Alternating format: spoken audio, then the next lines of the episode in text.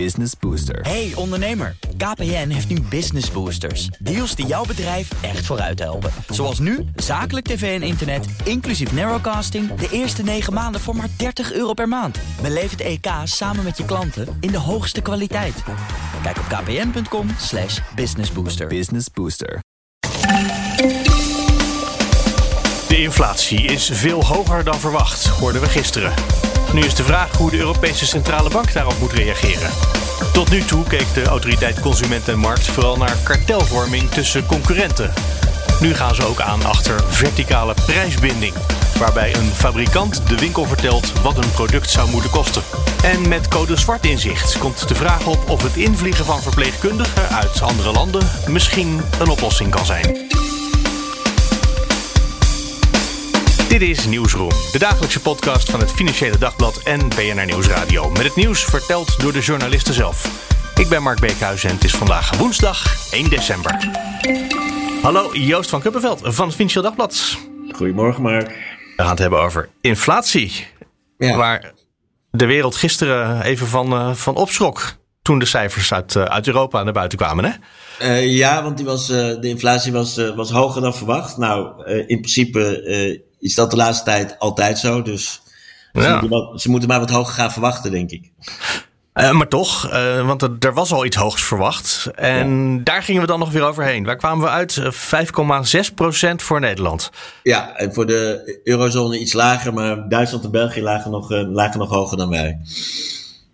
Is dat erg eigenlijk, hoge inflatie, als we het eventjes hebben? Nou ja, als we het eventjes hebben, is het niet zo erg. We hebben natuurlijk uh, decennia, nou ja, decennia, in ieder geval een decennium lang te lage inflatie gehad, voor zover dat kan natuurlijk. Uh -huh. Die onder de doelstelling was. Dus als we even te hoge inflatie hebben, is dat niet, niet meteen een ramp. Maar ja, het is natuurlijk wel, je verliest wel koopkracht. Wat je niet meer gewend uh, Ja, maar we gaan toch gewoon dan uh, staken en dan zorgen dat daarna onze lonen omhoog gaan. Dus uh, dat gaan we toch wel weer compenseren? Ja, kun je doen, maar dat is wat ze noemen een loonprijsspiraal. En dan oh, ja. wordt de inflatie alleen maar hoger. Dus dan moeten we dat proberen te voorkomen. Dit is, dan gaan we terug naar de jaren 70, 80 of zo, wat je nu beschrijft. Ja, dat is precies wat, we, wat uiteindelijk is voorkomen door de, de rente te verhogen. Waardoor we wel in een diepe recessie kwamen, maar dat was dus de... Dat was minder dat, erg. Dat, dat is de prijs die je betaalt voor, uh, voor uh, hogere rente. En nou is de vraag, ja, ik zei als we het eventjes hebben, en daar, daar, daar hakt jij netjes op aan natuurlijk. Uh, maar wat als we het nou niet eventjes hebben? daar is discussie over. Hè? De vraag of die inflatie misschien wel ja, lang hoog blijft. Of dat die in ieder geval niet meer teruggaat naar zo laag als het ooit was. Uh, nou, dat is de discussie die wordt gevoerd door de mensen die uh, uh, niet de analyse van de centrale banken volgen of niet willen geloven. -huh. Centrale banken gaan ervan uit dat de inflatie die nu hoger is, wordt veroorzaakt door COVID. En zolang COVID er is, blijft die inflatie hoog. Want dan komen de uh, verstoringen in de aanvoerketen, zijn de energieprijzen hoger. Zijn de mensen dat ineens alle zeecontainers in China bleken te staan, hè? Zo, dat nou ja, soort dingen. Precies, precies dat, dat, dat, soort dingen. Dus als er lockdowns zijn, dan, ja, dan heb je hogere inflatie, omdat er een grote mismatch is tussen vraag en aanbod. En centrale banken zeggen, zodra COVID voorbij is, gaat die inflatie weer omlaag. Mm -hmm. En, uh, en dat is wat zij geloven. Daarom, en ze, zeggen, ze denken dus ook van als we de rente verhogen, is dat niet de oplossing. Dat gaat geen zoden aan de dijk zetten, behalve misschien een recessie. Dus dat willen ze niet. En dat is het verhaal wat ze proberen uit te leggen. Want de rente verhogen, dat zou, hoe zou dat de inflatie omlaag brengen? Uh, nou, omdat, er dan, omdat dan de economie wordt afgeremd. En als de economie wordt afgeremd, is de inflatie oh ja. lager. Dat is het idee. Dan neemt de vraag vanzelf af. Ja, nee, precies. Ja. Ja, en ondertussen horen we jullie benedenburen, geloof ik, een beetje ja, ik heb en last zagen. van hè? dat ik jou zelfs moeilijker hoor. Ach jeetje. Uh, nou, sterkte, want jij zit wel thuis te werken. Zou je niet moeten ontsnappen naar kantoor met deze dagen? Uh, dat op zich uh, doe ik dat ook wel eens vanwege deze Ja. verbouwing. En morgen mag ik weer naar de redactie, omdat ik dan corvée heb. Dan moet ik het beursblog bijhouden. En dan moet je op de redactie zijn om de Bloomberg eh, Terminal eh, te kunnen bedienen voor anderen die grafiekjes willen en nieuws willen Ja. weten die ze thuis niet hebben. Oké, nou ja, ik denk dat wij het eh, nu wel eventjes volhouden. De luisteraar en ik. eh, en, en jij tenslotte de hele dag. Ja. Eh, Ze waren net nog even stil. Even goed, eh, we hadden het over de inflatie die, nou ja, nu in de buurt van de 5,5% zit. En wij streven altijd naar 2%. Ja. Maar, maar als die nou een, eh, nou laten we zeggen dat die COVID-crisis nog een jaar duurt of zo, dan hebben we nog een jaar lang zo'n hoge inflatie. Dat kan. En dan zou die daarna misschien teruggaan naar 2%. Dat zou kunnen. Ja, dat is in ieder geval het idee wat de centrale banken hebben. En als je dan de rente nu verhoogt, dan uh, gaat dat net effect hebben. Want dat, dat is een traag mechanisme, geloof ik. Hè? Dus Ja, dan gaat dat net effect hebben als het allemaal voorbij jaar is. Gaat het, dan, eh, gaat het dan invloed hebben op de economie? En dat is waarschijnlijk, zegt in ieder geval Lagarde, het moment dat de economie, eh, of dat, dat, dat, dat de inflatie weer automatisch omlaag gaat. Dus dan, ja, dat zou dan contraproductief werken.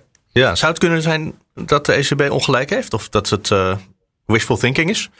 Uiteraard, dat kan Ja. altijd. Ik bedoel, Voorspellen is moeilijk en vooral wat de toekomst betreft eh, is een gevleugelde uitspraak, toch? Maar misschien zou je dan eh, uit voorzorgsprincipe nu toch wat moeten doen met die rente. Ja, dat is, dat is, dat is natuurlijk ook waar, waar veel mensen en vooral de haviken onder de monetaire economen ook, eh, ook op hameren. Van we weten niet hoe de inflatiedynamiek zich ontwikkelt.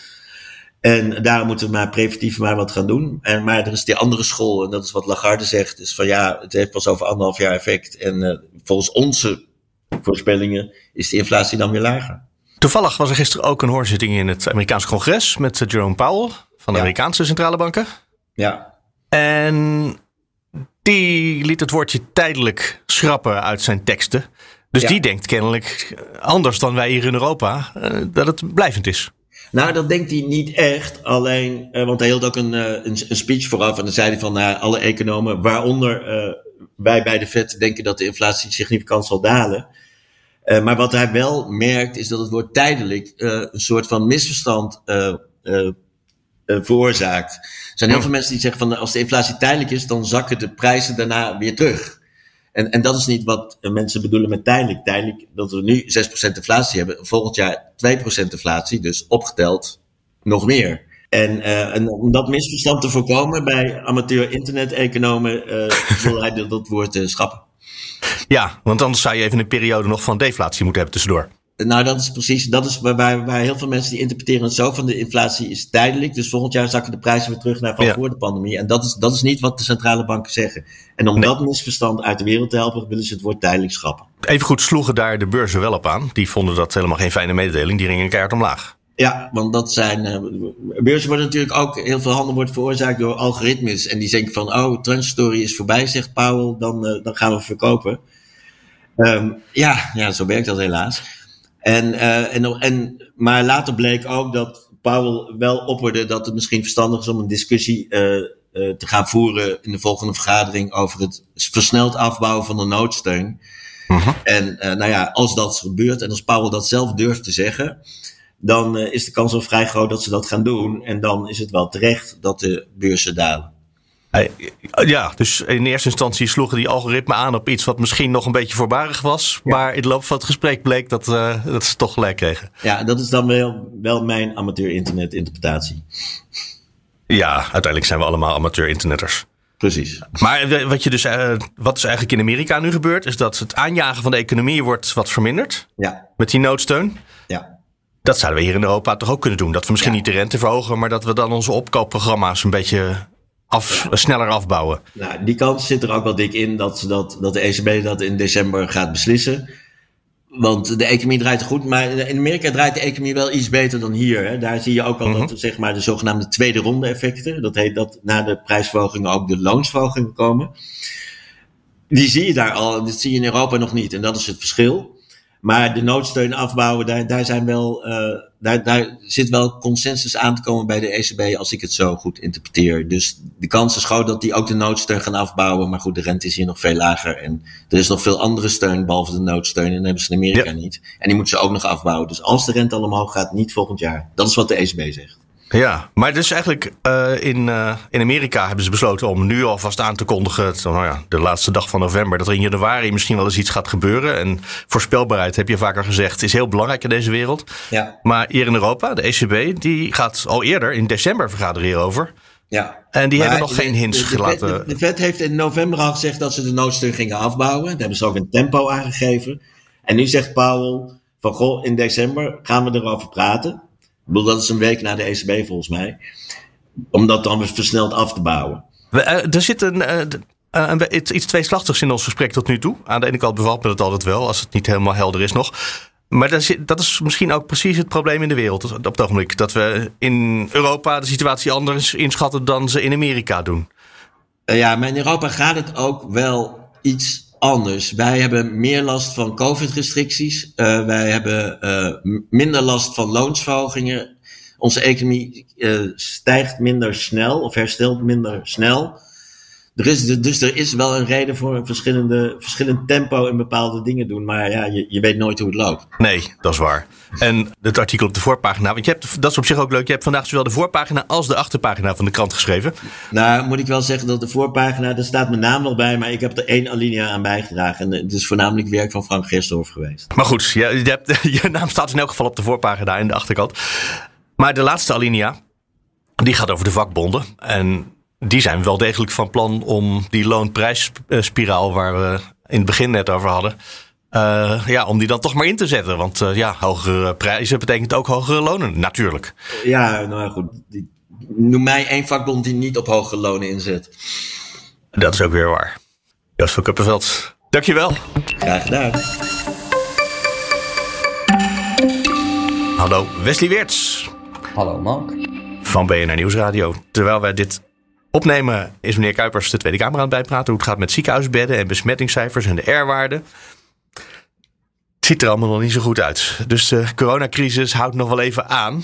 Uh, dat is misschien ook wel waarom het artikel wat jullie vandaag geschreven hebben voor de website, de items die jullie vandaag gemaakt hebben voor uh, de radio-uitzendingen, uh, de komende tijd nog wel even actueel zal blijven. De vraag namelijk of we het personeelstekort in de zorg misschien kunnen aanvullen met mensen uit het buitenland. Want hier in Nederland snel mensen opleiden is lastig. Maar ja, er zijn natuurlijk allerlei opgeleide mensen in het buitenland. Kunnen we daar geen verplegers en artsen vandaan halen?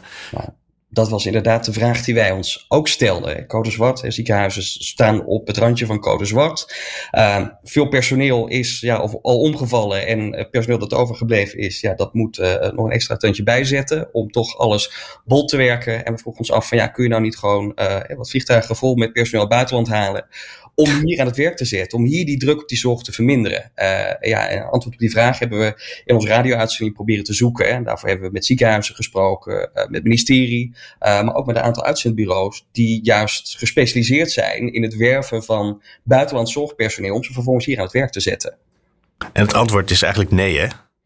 Uh, ja, dat, ja en nee. Ja, kijk, het, het is maar net eh, hoe, hoe, hoe, hoe je het inkadert. Um, ziekenhuizen zeggen, als, we, als we nu op de korte termijn personeel uit het buitenland moeten halen. Nou, het is niet dat we met één druk op de knop hier opeens honderden extra zorgmedewerkers hebben. Sowieso omdat dat traject, dat duurt gewoon even. Uh, varieert een beetje. Want ik heb ook uitzendbureaus gesproken, dus die, die daarin gespecialiseerd zijn. Een uitzendbureau zegt ja, we kunnen het binnen, binnen twee maanden allemaal voor elkaar krijgen. Het andere uitzendbureau zegt ja, we zijn er eigenlijk wel een jaar mee bezig. Want ja, voordat iemand de taal spreekt uh, en de juiste papieren heeft, ja, dat is gewoon een lang traject. Dus uh, ja, we moeten niet de illusie hebben dat we dus heel snel opeens, in ieder geval om code zwart af te, af te wenden of de gevolgen daarvan te beperken. nou ja, al dat personeel buitenland kunnen halen. Uh, Maar er zijn ook gewoon wat bezwaren vanuit, vanuit de ziekenhuizen. Uh, dat heeft bijvoorbeeld met de taal te maken. Omdat ziekenhuizen het belangrijk vinden dat ja, als er personeel in het ziekenhuis werkt, dat die wel de Nederlandse taal spreken. Naar patiënten toe, maar ook naar medewerkers. Uh, omdat dat gewoon, ja, dat is toch. Ja, je moet met collega's kunnen overleggen. Ja, dat, dat communiceert lekkerder. Uh, en zeker in een, in een crisistijd, waarin je snel moet schakelen, is die taal, die, die is heel belangrijk. En voordat iemand ja, Nederlands spreekt, Nederlands is niet de allermakkelijkste taal, uh, uh, ben je wel even verder. En natuurlijk, iemand hoeft niet perfect Nederlands te spreken, uh, maar het is wel handig dat hij zich in ieder geval een beetje ja, de, de, de basis dingen en zich verstaanbaar kan maken. Dat, dat dat in ieder geval op orde is. Um, ander punt vanuit, vanuit de ziekenhuizen is dat er vaak ook ja, cultuurverschillen zijn. Mm -hmm. de hiërarchie in ziekenhuizen in het buitenland zijn anders. Um, dus ook dat botert minder goed. En dan denk je, ja, dat zijn allemaal misschien, het is allemaal klein bier, allemaal kleine bezwaren. Maar al die dingen bij elkaar opgeteld, ook dat bijvoorbeeld uh, diploma-eisen soms heel anders zijn in het buitenland. Dus die zijn niet ja. één op één te vertalen naar het Nederlands. Uh, of naar Nederland. Dus er moeten dan extra opleidingen uh, gegeven worden. Uh, begeleiding moet er natuurlijk gegeven worden aan, aan dat personeel. Want je kunt die niet ja. opeens inzetten en dan kunnen ze alle taken doen. Dus al die dingen bij elkaar, daarvan zeggen de ziekenhuizen, ja, hè, eigenlijk voor code zwart, nu in een crisissituatie, is het niet de oplossing om in grote aantallen personeelsleden, zorgprofessionals uit het buitenland te halen. Ja, en die cultuurverschillen, die vind ik, vond ik interessant. Want ik begreep dat de rol van een verpleegkundige in Nederland echt anders is dan die in de meeste andere landen. Ja, nou, ik, ik sprak bijvoorbeeld met het Erasmus MC. Als ik het even in mijn eigen woorden uitleg, is uh, uh, het in het buitenland, ja, is de hiërarchie, die, die is daar echt. Hè, de, de arts bepaalt, verpleegkundige, die, die volgt voornamelijk. Uh, en hier in, in, in ons land is het veel gebruikelijker dat iedereen ja, een soort van gelijkwaardig niveau werkt. En, en, dat je dus, dat het niet is dat één iemand per se zegt wat je moet doen. natuurlijk, soms wel, want soms is het wel handig dat je wat, wat orders krijgt. maar er wordt overlegd en geluisterd naar verpleegkundigen hier. Ja, er wordt hier meer geluisterd naar verpleegkundigen. Ja, en dat betekent ook dat zo'n arts daarop rekent dat iemand als verpleegkundige af en toe een bijdrage aan de discussie levert. Ja. In plaats van timide zegt, nou, wat is de volgende stap? En, en, waarschijnlijk niet alleen in discussie, maar ook gewoon in dus de taken die, die, die, die hij of ze uit moet voeren. Ja. Nou kan ik me dat allemaal heel goed voorstellen. Aan de andere kant kan je natuurlijk denken, ja, die diploma eisen. Je bent een verpleegkundige in Frankrijk dan moet je ongeveer kunnen wat een verpleegkundige kan. Of in België, weet ik veel. Het maakt niet uit waar ze vandaan komen. Het is een crisis en ga je toch niet met bureaucratische argumenten zitten, zitten zwaaien en zeggen: ja, maar uh, ik wil dat ze per se 100% Nederlands spreken. Terwijl Engels, misschien als je een gang maakt met allemaal mensen waar iedereen Engels spreekt. En de patiënten ook gezegd hebben: ik spreek ook Engels. Dat, dat, je kan daar toch gewoon omheen als je wil. Dus dit voelt heel erg bureaucratisch, dit antwoord voor mij.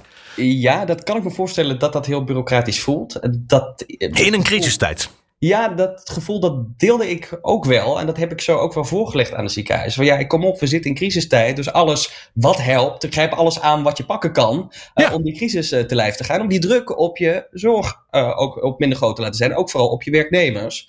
Um, en toen ja, nou, om behandelingen door te laten gaan. Want als je nu die hartoperatie niet krijgt, want die is planbaar. dan gaat die dus niet door op het ogenblik. Ja, dan is toch zorg door iemand die Engels spreekt beter dan geen zorg. Ja, om het nou, maar heel hard te zeggen. Ja, dat, dat, dat, ik, ik, ik snap waar dat vandaan komt. Ik heb zelf ook die gedachte. Alleen, toen kreeg ik toch een, een anekdote die uh, voor mij wel iets meer helderheid schepte. Ja. Um, uh, een van die ziekenhuizen vertelde dat zij in de eerste golf, tijdens de eerste golf, uh, dat was niet zozeer personeel buitenland, maar toen hebben ze ook van links en rechts personeel in laten vliegen om in ieder geval de zorg draaiende te houden. Um, en wat de ervaring daarbij was, is dat het zij vond het natuurlijk heel fijn dat uh, van alle kanten hulp kwam en dat, mensen, eh, dat, dat er opeens heel veel mensen extra waren die konden helpen. Maar wat zij tegelijkertijd merkte is dat, en dat waren dan gewoon Nederlandse mensen, uh, dat iedereen dus een eigen plan en een eigen manier van aanpak heeft. Dus iedereen ja, deed wel wat, maar soms liepen mensen elkaar juist in de weg in plaats van dat ze elkaar hielpen. Um, dus dan kun je wel op papier heel mooi zeggen, ja, we hebben extra personeel hier rondlopen en met die extra handjes kunnen we hè, aan de bedden staan. Alleen als je in de praktijk elkaar meer in de weg loopt, of in ieder geval er niet voor zorgt dat die geoliede machine op gang blijft, uh, ja, dan zit het elkaar meer in de weg. Um, plus, het bezwaar dat er nog bij kwam, is van ja, als we personeel buitenland in laten vliegen, uh, of eventueel met de auto als ze uit België of Frankrijk komen, um, dan kun je ze niet meteen inzetten. Um, want je moet, hoe dan ook, iemand. Er gaat altijd even een periode overheen. Maar goed, je kunt natuurlijk nu met de cijfers die in de Tweede Kamer op het ogenblik gepresenteerd worden, wat ik net op, de, op, op het scherm zag. Uh, we kunnen er wel van uitgaan dat we hier nog wel een paar weken mee te gaan hebben. En waarschijnlijk wel een paar maanden. Uh, ja, dat, ja, dat klopt. Um, alleen het was dan handiger misschien geweest als we dat personeel voor deze hele drukke periode in hadden gewerkt.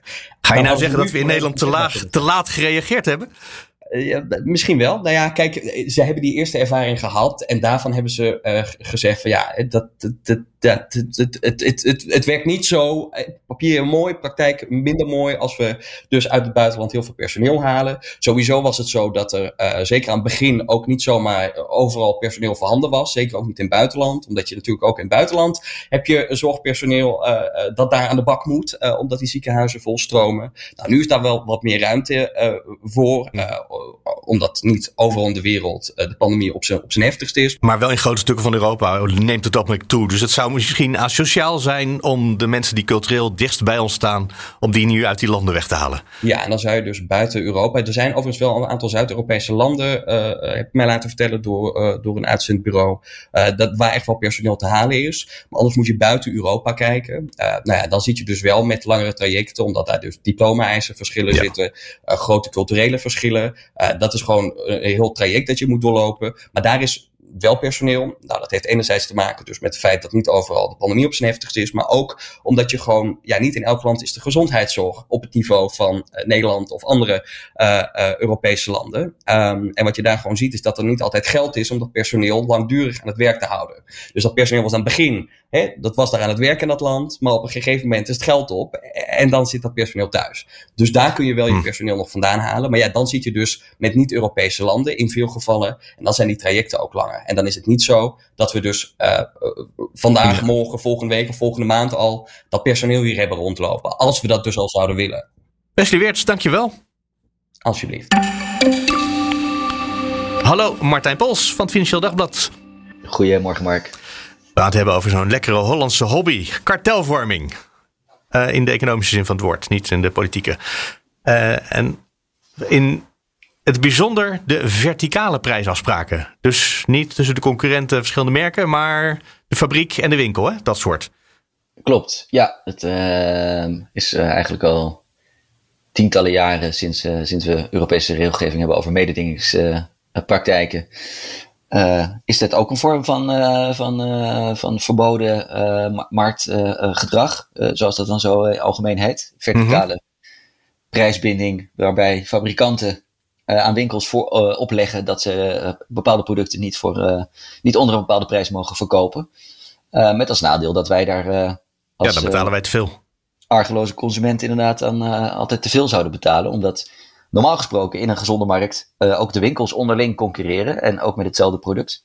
Uh, ja. Dat is het idee. Uh, maar dan ga je naar een prijsvergelijkingswebsite en dan kan je eigenlijk wel vermoeden dat er iets speelt. Want vaak zijn dingen exact even duur. allemaal 229 euro, wat echt zo'n raar niet rond getal is. Ja. Ja. Dat je denkt, nou, dat, dat komt kennelijk van en van de hoofdkantoor. Dat alle webwinkels en alle concurrenten hier hetzelfde moeten rekenen.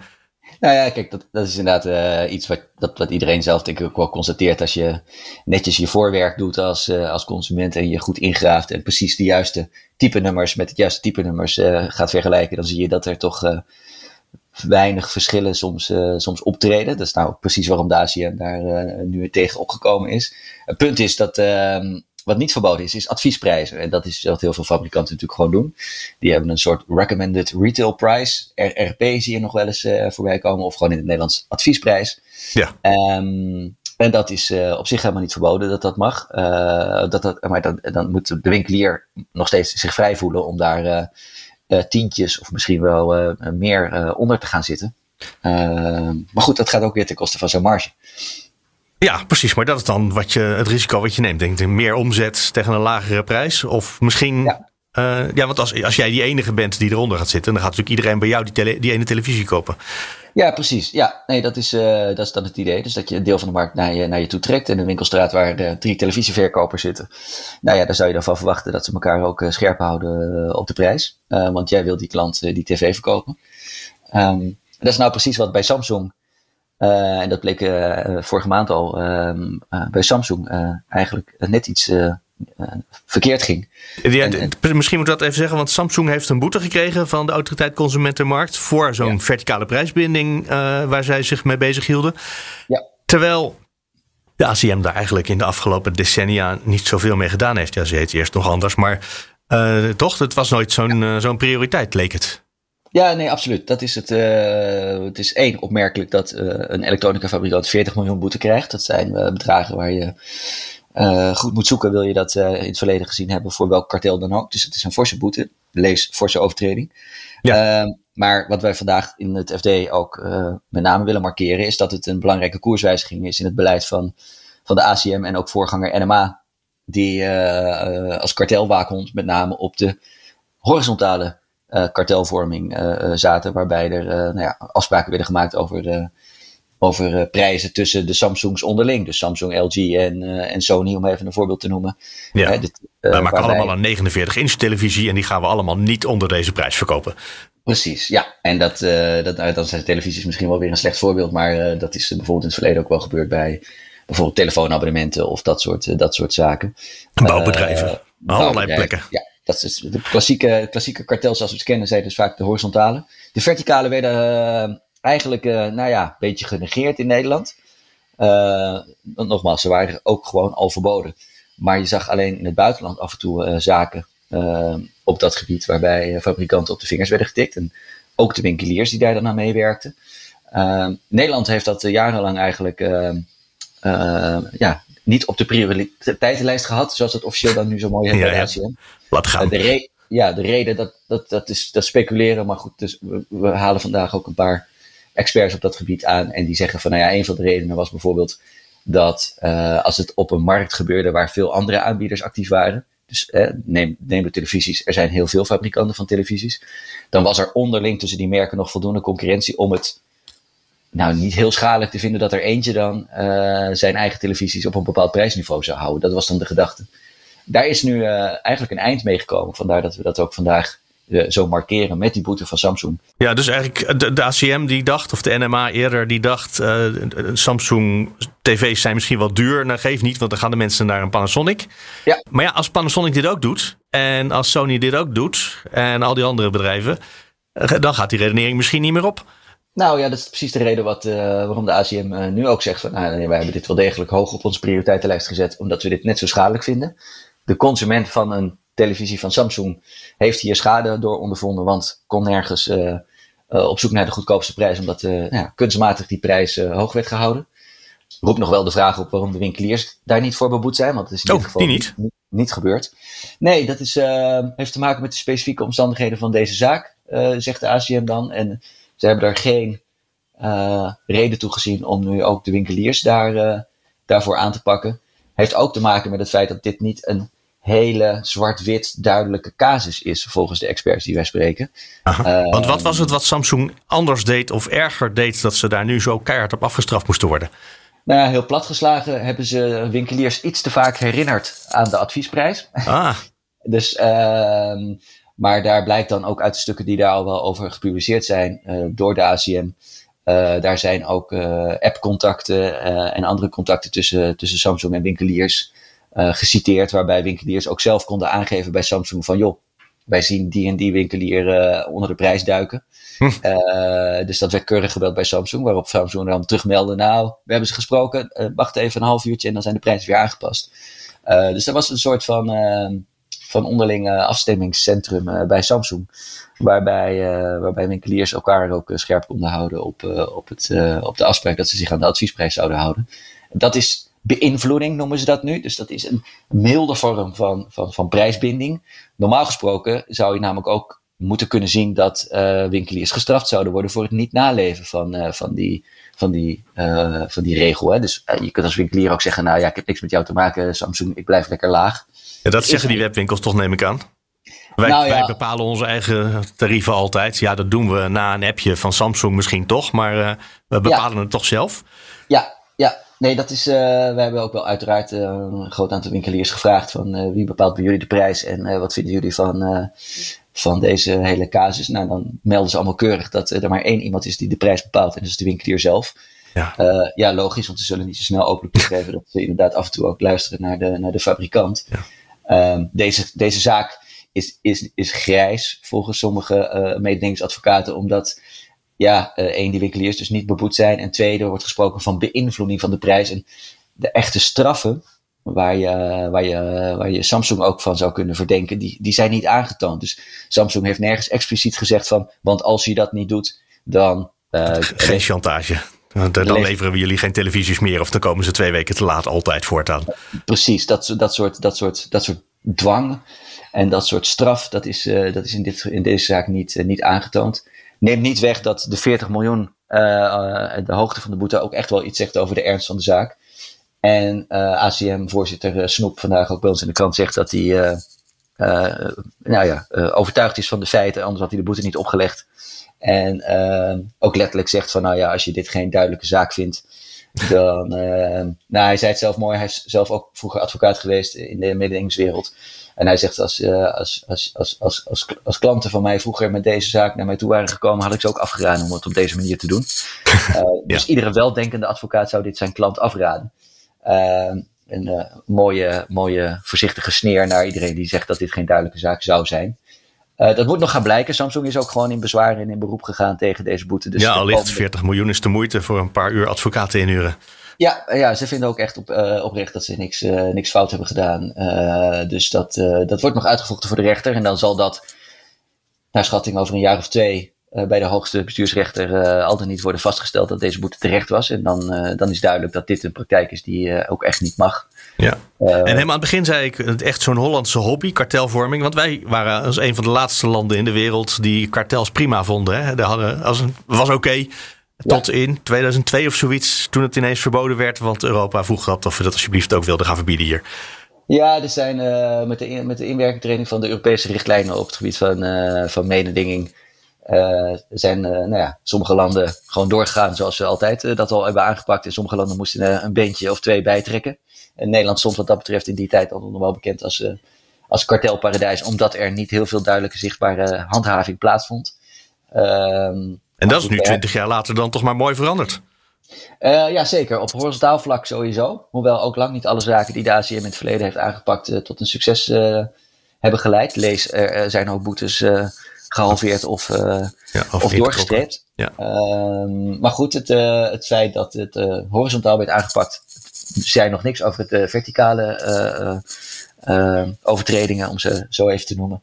en die worden dus nu ook heel duidelijk aangepakt. Dus het is ook wel degelijk een, een schot voor de boeg voor, voor winkeliers en, en, en, en fabrikanten.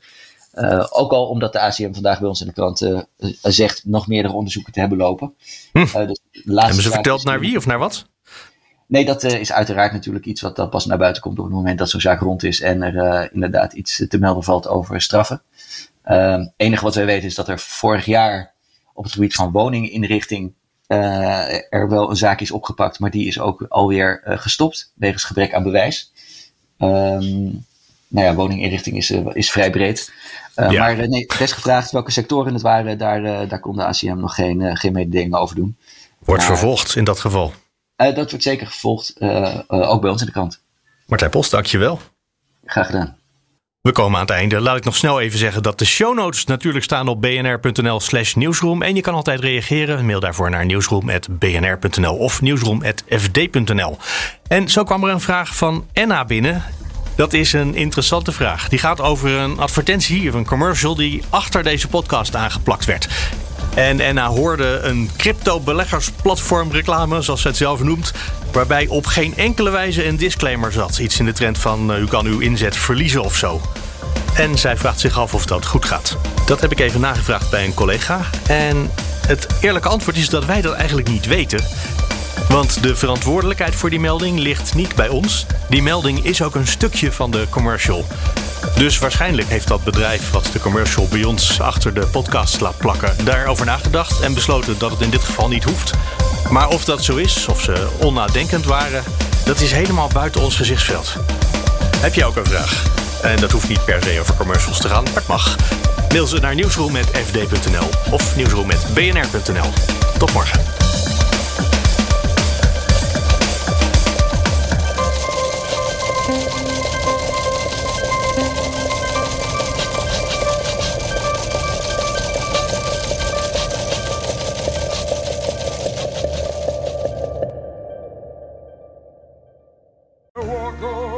Hardlopen, dat is goed voor je. En Nationale Nederlanden helpt je daar graag bij. Bijvoorbeeld met onze digitale NN Running Coach... die antwoord geeft op al je hardloopvragen. Dus, kom ook in beweging. Onze support heb je. Kijk op nn.nl slash hardlopen.